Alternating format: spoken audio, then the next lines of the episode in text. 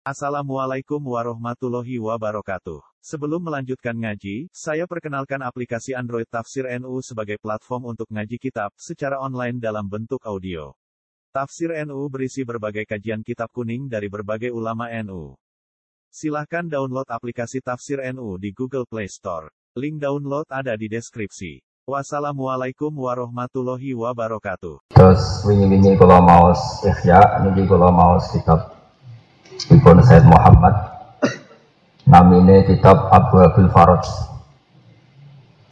Uh, setunggal kersane yang sal barokahipun para habaib para tiang alim. Dari akan Habib Ali Al Habsyi dari akan Habib Lutfi Bapakih dari akan panitia. Terus penting kalau mutakan tentang fadhilnya kalimat la ilaha illallah kalau nanti mau tentang kitab Zadul Ma'ad karanganipun Ibnu Qayyim. Kitab niku kesayangan Said Abdul Al Haddad sampai beliau masih menghentikan Ya laitali iddatanu sabin minha uhtihi ilat Saya berharap punya naskah Zadul Ma'ad itu sebanyak mungkin yang saya hadiahkan untuk para pencari ilmu. Karena sama-sama melaporkan la ilaha illallah. Tapi nak semendikan para ulama itu benten ngendikane Ibnu Qayyim ngeten. Kalimatun khuliqat li ajlihal jannah. Pangeran dari suwargo dengan fasilitas seperti itu. Bidadarinya banyak segalanya sebalek semuanya mewah semuanya kelas satu. Niku demi tiang sing menerima la ilaha illallah. Neraka sing digawe jerone ngono. Niku nak krikil diceblokno neraka niku cebloke ngenteni 70 tahun Niku pun bigo pun pun boten saged gawe apa Niku nggih disediakno kangge tiyang sing menolak la ilaha Kemudian karena Allah tahu manusia ini butuh latihan, digawe langit bumi. Dia kangge tiang supaya diuji apakah menerima la ilaha illallah apa enggak. Diutuslah para rasul sebagai pembimbing. Wa ursilat biha ar-rusul. Rusul diutus niku kan bimbing la ilaha illallah jenengan jika tempo urip patang puluh tahun swidak tahun dia demi tempo dinta ini ngelapat no la ilaha bahkan saking keramat la ilaha illallah niku tiang kafir wolong puluh tahun nopo sangang puluh tahun. Kok apa mati ngelapat no la ilaha illallah niku dia tetep dakhalal jannah. Terus niki pulau matur sangat supados kita ngelapat no la ilaha illallah bi aini takzim dengan bener-bener takzim dengan kualitas yang dijawakan para ulama Nah, sebagian itu diriwayatkan dening Said Muhammad niki kula wasi. Bismillahirrahmanirrahim.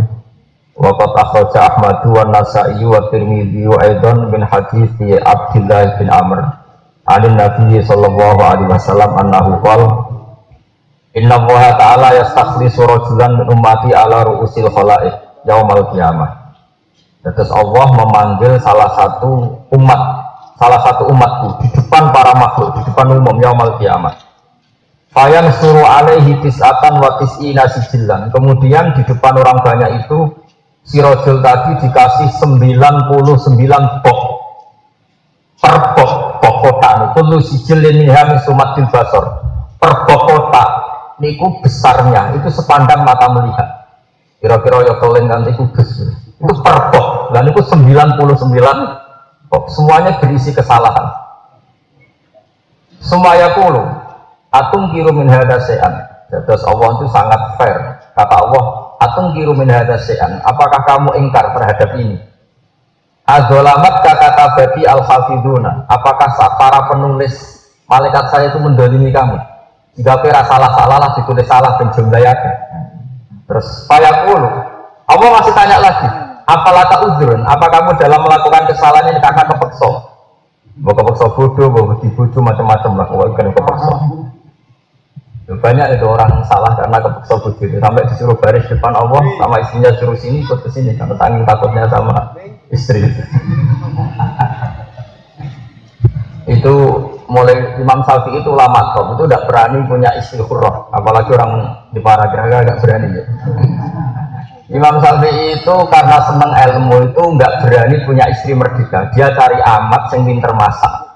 Karena hobi beliau itu kalau ngaji santrinya dikasih makan Jadi kalau ya Ali ngasih makanan ini yang kesekian kali ini sudah anut saja. Jadi mulai dulu gitu, hobinya ulama itu ngasih makan santri. Karena dia tidak ingin dibujukakan pola itu nggak ingin pusing. Makanya saya dulu pas nikah itu bilang ke istri saya, syaratnya nggak boleh usul, nggak boleh minta. Sampai sekarang istri saya itu nggak pernah minta uang. Ini tanyakan adik saya di sini, nggak pernah. Tapi cukup, jadi minta tapi cukup. Ya dicukup cukup kan. Karena pasti habis. Ulama kalau punya istri rewel itu pasti habis. Habis betul.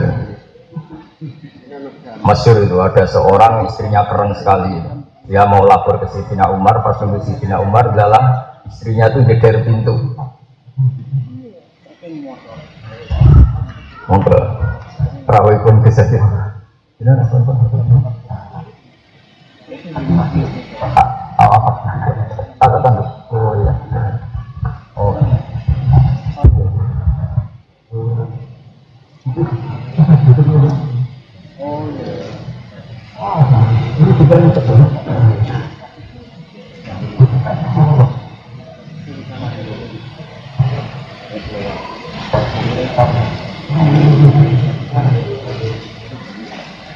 Dia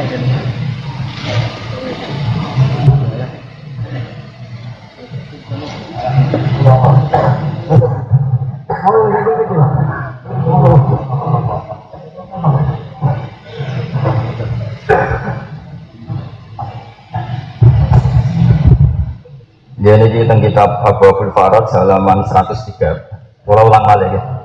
Bismillahirrahmanirrahim. Inna wuha yastakhlisu rajulan min ummati ala ru'usil khalaiki yaumal qiyamah. Fayan suruh alai kisatan wa tis'ina sijilan. Kullu sijilin ya mislumat basar. Datus per box. Niku jumlahnya 99 box. Per box niku sepa, sejauh mata memandang. Ya seperti kudus lah kira-kira atau sini demak. Semuanya isinya kesalahan Terus Allah tanya, apakah kamu punya alasan kenapa melakukan kesalahan ini? Fayaqulullah ya Rabbi, enggak, memang salah ya salah saja. Ini pangeran, Fayaqulu bala innalaka indana hasanatan wa innahu la zulma alikal yaum. Fayukhriju bitaqatan fiha asyhadu alla ilaha illallah wa asyhadu anna muhammadar rasulullah. Fayaqulu ya Rabbi ma hadhil bitaqatu ma hadhi sijillat. Jadi kesalahan 99 box, yang per box itu sejauh mata memandang. Jadi kalau 99 kira-kira sini Jakarta. Allah hanya membawa satu lampir, satu lampir saja yang bertuliskan La ilaha illallah Muhammadur Rasulullah. Itu satu-satunya kebaikan dia. Makanya si Rasul tadi bilang, ya Allah apa artinya satu kebaikan itu dibanding 99 box kesalahan. Tapi kata Allah, Dawei Pangeran, La zulma alikal yaum Terus fato sat asijillat wa takulat al bitaqatu fala yasbutu fala yasbulu ma'asmillahi ta'ala syai'un. Ketika ada kesalahan 99 bab ditimbang dengan satu kertas bertulis la ilaha illallah Muhammad Rasul ini menang kertas yang ada la ilaha illallah Muhammad Rasulullah. Karena kalimat ini tidak tertandingi. Bagaimana mungkin malaikat atau makhluk apa saja kemudian memenangkan wairullah dibanding Allah. Ini kan kalimat sakral, nggak mungkin malaikat siapa pun mengalahkan kalimat la ilaha illallah. Makanya dijelaskan fala yasulu ma'asmillahi syai'un. Sebab itu menurut fatwa semua fukoha, kalau ada orang kafir 90 tahun, dia satu menit saja melapatkan la ilaha illallah, kemudian mati tetap dakolal jannah. Soal disiksa dulu itu nggak masalah. Nah, itu biasalah pemanasan, itu nggak masalah. Nggak masalah. Dan itu sorika disebut kulil ladina kafaru iyan tahu yufar lahum makot salah. Siapa saja yang pernah kafir kemudian melapatkan la ilaha illallah pasti yufar lahum makot Nah kenapa saya ngaji bawa tema ini? Karena sekarang itu merisaukan sekali. Kalimat yang begitu sakral sampai kekafiran 90 tahun saja bisa dikalahkan dengan kalimat sekarang banyak paham wahabi, paham macam-macam. Semua ngelapat la ilaha illallah mergo kuburan jadi kafir.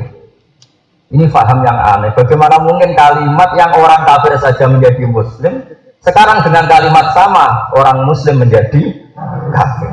Itu logika yang bulat, bulat aneh. Terus bulat aneh. robot terus ini jelas ya terus ini diriwatkan Imam Ahmad, Imam Nasai, Imam Tirmidzi ini Dawi Said Muhammad. Terus kalau cek saya sebagai peneliti ilmiah kalau cek ternyata itu diulang lagi di Sarah Ihya. Namanya kitab Ithafus Sadat Al-Muttaqin ikutan kitab Pulau juz 14 halaman 636 ini penting kalau aturakan supaya kita punya tradisi riwayat.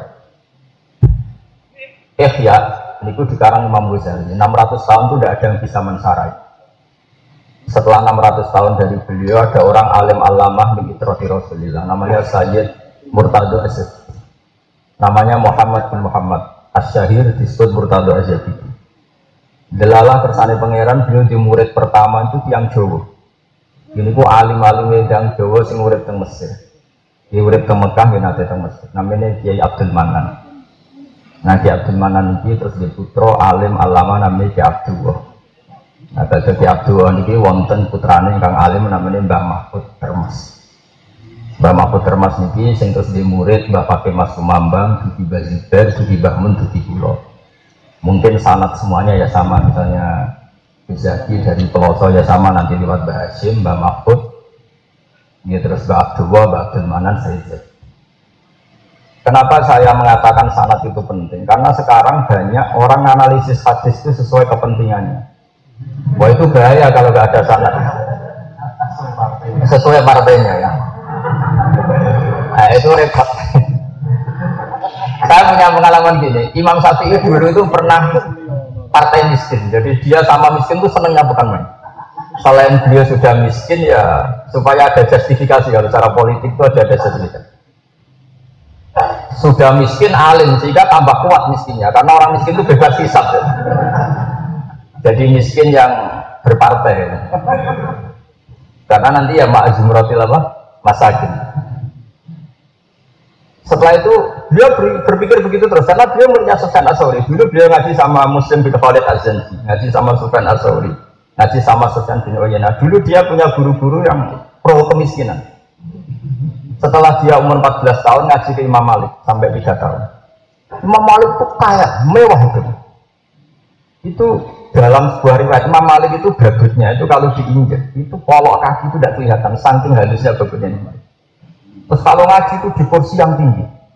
Gaya Imam Malik. Makanya Mazhab Malik itu mengharamkan miskin. Itu. Jadi kalau miskin haram. Kalau Mazhab Syafi'i itu diharamkan enggak ya jalan. Nah, sudah ini kan takdir jadi sudah jalan saja. Uh, dia benci sama orang kaya Imam Syafi'i itu setelah ngaji Imam Malik dengan gaya hidupnya seperti itu. Imam Syafi'i alim, beliau terang alim alama ngaji muwatok itu. Setelah alim ditanya sama Malik ilmu saya sudah kamu nyari orang salim saya. Siapa? kata Imam Malik sebetulnya yang salim saya itu Abu Hanifah tapi orangnya sudah meninggal. Tapi masih ada muridnya yang alim nanya Muhammad bin Hasan Asyaibani kamu harus ke sana. Akhirnya Imam, Imam Malik ini datang ke Baki. Dulu Baki itu pasar. Apa di antara kalian ada kafilah yang mau ke Irak? Ada. Semuanya dibayar Imam Malik. Kalau sekarang rental rental untanya itu dibayar Imam Malik. Masih disamoni surotan dia dan under. Pernah saya hitung itu sekitar 16 juta. Pokoknya disamoni banyak. Itu mulai satu mulai mikir. Ya yang saya kritik kok malah manfaati karena sering ngasih uang Imam Malik itu yang saya puji orang miskin tidak pernah ngasih uang. Itu mulai mulai mikir dia mulai mikir nah ini cerita istihad. Setelah datang di Muhammad bin Hasan Asyaibani lebih parah lagi. Muhammad bin Hasan Asyaibani itu pakar usul itu kalau meletakkan uang itu di meja tamu. Dia itu punya emas lantaan di meja tamu. Itu dari emas utuh ditutui jadi pecahan. Itu di ruang tamu batin Imam Malik Jafar ini lebih parah lagi. Kaget Imam Syafi'i. Di ruang tamu lagi, tidak sembunyi di kamar, tidak di ruang tamu. Terus kata Imam Muhammad bin Hasan Asyibani, Atung kiru hada, kamu tidak senang kalau ada ulama kaya? Enggak. Kamu tidak senang kalau orang soleh kaya? Enggak. Yo kayak nong fasik, ben digo demenan, digo ngelontek macam-macam. Oh ampun, mungkin bahaya nak dikuasai yang fasik. Berarti digo soleh apa pun betul betul betul betul. Semenjak itu Imam Syafi'i itu mulai mikir bahwa orang soleh kaya itu tidak apa-apa. Kalau yang kaya orang dolim malah prono. Gitu. Semenjak itu beliau geluti ilmu namanya ilmu usul. Makanya beliau masyur menghentikan Anna sufil fikih iya benar Abu Hanifah. Sepinter-pinternya orang dalam usul fikih pasti anak buahnya Abu. Karena dia pinter itu di barokati Muhammad bin Hasan Asyibani itu tilmidu Abi Makanya ini kalau ngaji dengan sing partai miskin di monggo itu nggak apa-apa. Saya juga miskin lama dan sampai sekarang ya nggak kaya. Mau di atas satu rupiah. Karena saya senior beliau di Anwar. Karena dia beliau sudah menang senior Habib jadi kalah kalah saya dalam hal lama di Anwar. Di Anwar berapa tahun? Belum. Belum. Gak mau kalah. Nah ini penting cerita usul fikih. Karena di Quran memang seperti itu. Nabi yang miskin ya banyak, yang kaya ya banyak. Sampai ada ayat am yasidunan nasa ala atahum wa hum min fadli. Faqad ataina ala Ibrahim al-kitab hikmata wa atainahum mulkan adzim. Jadi banyak nabi yang jadi raja besar. Makanya ketika tadi Gus Yasin pidato secara politik, saya itu tidak kaget Mungkin kalau orang jabat dekat subat, dekat korupsi, terus orang anti jabat. Tapi kalau dibalik, ya wes pun dijabat wong fasik. Oh ya bengok-bengok gitu. Ini Habib ya DPR RI. Kalau yang DPR RI yang orang fasik kamu ya bengok-bengok. Ya sudah seperti itu. Dan kedua menurut Al-Quran alamat kebenaran adalah walau karihal mujrimun walau karihal kafirun. Kira-kira itu orang kafir senang orang Islam miskin apa senang orang Islam kaya? Kira-kira seneng miskin. Miskin pinter baik miskin goblok seneng mana seneng miskin goblok. Makanya yang sudah miskin wajib pinter. Karena satu-satunya takarut ilmu adalah ada karihal mujrimun. Ono senenge wong kafir. Ono senenge wong fasik. Jadi carilah satu status di mana mujrimun itu tidak seneng kamu. Misalnya tadi ada orang miskin tapi pengalaman alim alamah. Pasti orang kafir tidak seneng. Karena ini tetap punya pengaruh ada orang miskin tapi peneliti sehingga tahu daerah yang potensi kristenisasi dilaporkan sama aparat. Pasti tidak senang. Jadi ciri utama kebenaran walau karihal kafirun, walau karihal musyrikun, walau karihal mujrim. Ini penting utama. Nah, sekarang kira-kira orang kafir lebih seneng enggak ketika kiai jabat sama ada jabat orang kafir kira-kira seneng mana? Seneng enggak jabat karena tidak punya otoritas kenegaraan. Tapi ya sudah dapat kafe tidak mungkin, tidak mungkin bagi-bagi tugas. Makanya saya yang ngomong itu karena saya ada wakil gubernur. Justru itu fair, saya ngomong secara ilmiah. Ini penting saya utarakan karena sekarang itu riwayat itu ditekuk-tekuk sesuai kepentingan. Yang jelas di Quran kata Imam Syafi'i ketika ditanya ma kaunukum fil hasur hasur itu orang yang tidak nikah fil ujubah Imam Syafi'i jawabannya ringan saja Inna wa ta'ala dzakara abdan solihan wa qala innahu hasur. Terus beliau baca ayatnya wa sayyidau wa hasura wa nabiyyam Allah menyebut hambanya yang soleh. Toh di antara yang soleh itu berstatus hasur, orang yang nggak nikah. Gini ku Nabi Yahya. Artinya nggak nikah itu bukan berarti buruk. Begitu juga tentang harta. Bagaimana seorang soleh yang jadi raja? Inna wa ta'ala dzakara rajulan solihan wa qala dan mereka adalah diberi wa atenahum mulkan. Jadi ini penting saya utarakan. Sudahlah, sementing riwayat Nabi kaya ya banyak, kayak Nabi Sulaiman, Nabi Dawud, Nabi miskin ya banyak, kayak Nabi Isa, Nabi Budiken ya ada, kayak Nabi Ayub. Meskipun Budikennya ada kayak cerita kiai-kiai dulu itu, itu Israeliat itu. Budiken sampai katanya setan, terus nabi sholat di blok no, bersolat dipasang meneng itu itu Cara ahli sunnah wal jamaah riwayat itu masalah itu masalah azimah. Tapi kalau untuk balik bagus biar seru.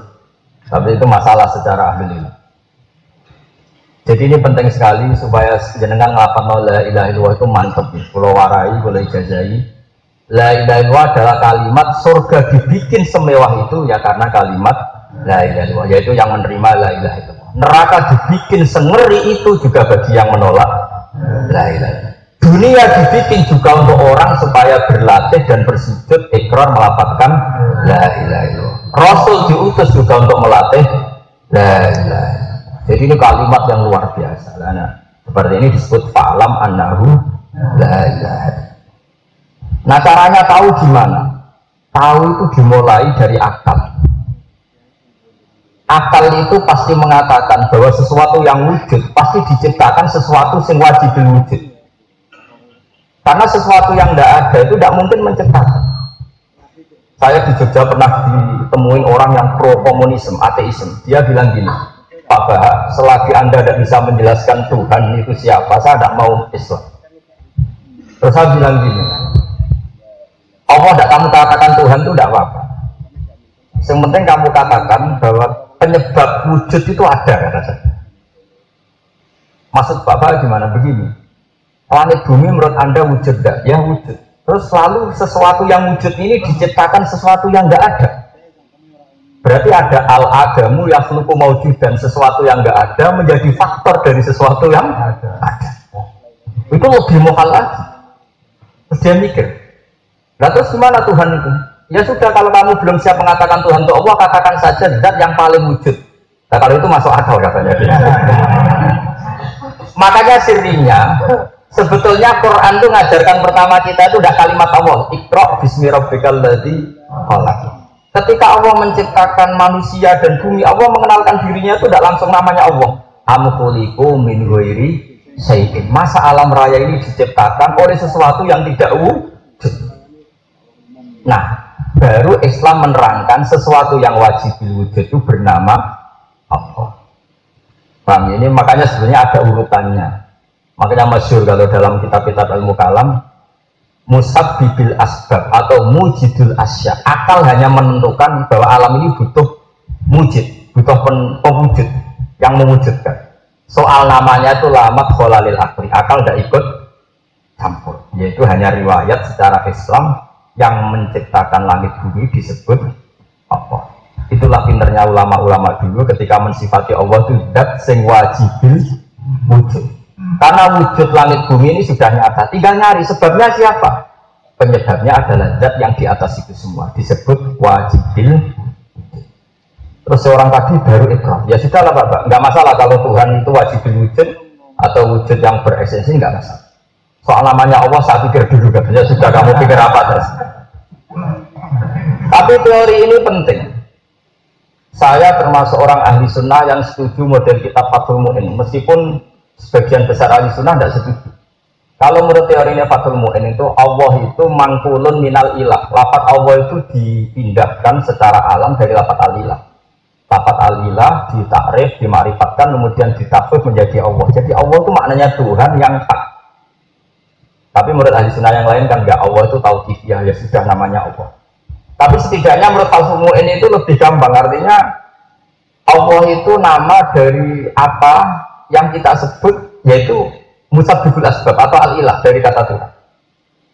Dan itu lebih mudah karena di Quran misalnya ada pertanyaan kul ayu sayin akbaru syahada ulillah. Jadi ini penting saya utarakan supaya anda ini terbiasa pakai hujah-hujah Qur'aniyah yaitu caranya tadi. Misalnya Allah nggak dikatakan Tuhan kata Allah, nggak apa-apa saya ada Tuhan, tapi tunjukkan ada Tuhan yang lain yang lebih tangguh ketimbang saya. Kul ara'aitum ma tad'una min dunillah aruni madza khalaqu minal ardi am lahum syirkun fis samawat. Enggak apa-apa saya ada Tuhan, tapi carikan Tuhan yang menciptakan langit bumi. Buktikan ada Tuhan lain yang menciptakan langit bumi. Kan mereka tidak bisa buktikan. Misalnya mereka bilang Yesus Tuhan, Isa itu lahirnya di bumi, ada tanggalannya Masehi. Fir'aun apalagi? Fir'aun ngaku Tuhan itu dibantah sampai Nabi Musa. Tuhan itu Rabbus Samawati wal Ardi, yang menuhani langit dan bumi. Fir'aun masih enteng. Saya jalan-jalan ke mana-mana, tahunya Tuhan ya saya. Ma'alim tulakum min ilahin. Kata Musa, Tuhan itu di langit. Malah Fir'aun manggil Haman, ya Haman meniri surhala ali abdul asbab asbab samawati fa'atol ya ila ilahi Musa. Haman bangunkan aku piramida yang tinggi supaya aku bisa melihat Tuhannya Musa. Kok kita bodoh gitu. Akhirnya Musa mikir, ini debat Musa orang saraf ini enggak selesai. Akhirnya Nabi Musa sederhana, mensifati Tuhan langit bumi itu enggak, enggak, mengalahkan Fir'aun. Allah mengajarkan Musa teori yang sederhana Rabbukum wa rabbu abaikumul awal. Ya sengene enak ngono, pangeran sing mengerani buyutmu. Itu hadirin yang hadir, langsung ada yang iman. Nak pangeran itu Fir'aun, buyutnya rano pangeran dong. Kan Fir'aunnya baru lahir. Fir'aun kaget, waduh. Karena kalau cerita Tuhan bumi, dia masih ke mana-mana dituhankan. Tuhan langit, dia masih berharap setelah piramida melihat Tuhannya, Tuhannya Musa maksudnya. Setelah ada piramida, dia kan tetap tidak melihat. Terus makanya Nabi Musa ganti corosan ini ganti kopling ini rob hukum wa robbu abaikumul apa? Yang menuhani nenek moyangmu. Nah itu semenjak itu sadar wakola rojulum mu'minum min ali fir'aun yaktumu nawa iman. Saat itu sudah ada yang iman. Iya ya, nah Fir'aun pangeran dua mbah di buyut. Terus buyutnya pangerannya? Wong pangerannya lahir terlambat. Nah, ini namanya al hujjah jadi saya mohon sekali jadi dilatih kul falillahil hujjatul balighah wa tilka hujjatuna atayna ibrahim ala qaumi jadi saya mohon kalau ibadah anut riwayat karena itu tak abdi. Tapi kalau logika itu anut akal. Ya akal yang dipandu lama tentu kita belajar beberapa kitab ilmu kalam yang diajarkan Imam Asyar yang diajarkan Imam Maturidi yang lewat guru-guru kita. Jadi eh, saya pikir demikian. Walaupun Pak Wiridan kalau namun bantu ini karena format Habib Ali jadi jadi perjanjian ini kalau ngajar di sini itu sekali tapi ini ya Ali melanggar sampai tiga kali. Ya. tapi ini hormat risadat al kiram karena sebetulnya kalau tadi jagungan nama Habib Lutfi sebetulnya keinginan Rasulullah terbesar adalah tarotufikum kholifaten bagian riwayat disebut ahaduma asqalu minal akhar yaitu kita bawah wa itroti kita buah dan itroh itroh itu ya yang pokoknya yang mansuk yang keturunan-keturunan Rasulullah. Baik keturunan nasab maupun keturunan sabab masyur itu. Kata Rasulullah walai walai yaftariko hatta yarida ali al haudo dua-duanya ini tidak boleh pisah sampai nanti ketemu saya di jadi normalnya ahli Quran kayak dulu Mbah yang masyur akrab para habaib. Guru saya Mbah ya akrab dengan para habaib. Memang harusnya seperti itu tidak boleh bisa sampai nanti ketemu Rasulullah di tahun nah tentu nasab itu dua. Ada nasab gen kayak Habib Ali Al Habib ada nasab sebab. Sebab itu ya karena ta'allum karena mahabbah. Makanya di hadis itu riwayatnya kullu nasabin wasababin jadi bukan nasab kok kullu nasabin wasababin mungkotiun yaumal kiamah illa nasabi wasabab terus yang ditegur ke Habib yang bahasa-bahasa ini sing pede mawon. Karena masih ada peluang untuk jalur nasab sebab apalagi jenengan mahabbah. Aku. Ini pro, promosinya ya Ali ini mendukung jenengan. Ini entah tawadu entah tenan nggak tahu. Aku apa dia lagi aku apa aku alhamdulillah. Dan ini kata beliau intisab bil ilmi aku tapi yang dikatakan Habib Ali itu memang benar. Jadi saya Abi Bakar Sato, pengarang Ianatul Tolibin itu Habib. Tapi beliau pakai marga Sato, karena marga Sato itu marga mbah-mbahnya yang alim. Sehingga beliau lebih bangga intisab bil ilm. Sehingga namanya Abi Bakar apa? Sato. Jadi dia pakai marga ini. Begitu juga pakai mukoddam. Itu orang nggak manggil Habib pakai mukoddam, tapi Syekh. Syekh pakai mukoddam. Syekh Abdul Qadir Jalani ya Syekh Abdul Qadir Jalani. Al berjanji juga saya Al berjanji sampai disebut fakih karena dia ahli fakih fakih mukaddam saya tahu banyak tentang biografi beliau karena saya sering baca kitab Al Masra'ur Rawi di mana kaki ahli alam yang dikarang asli uh, ngapun dengan kata Assalamualaikum warahmatullahi wabarakatuh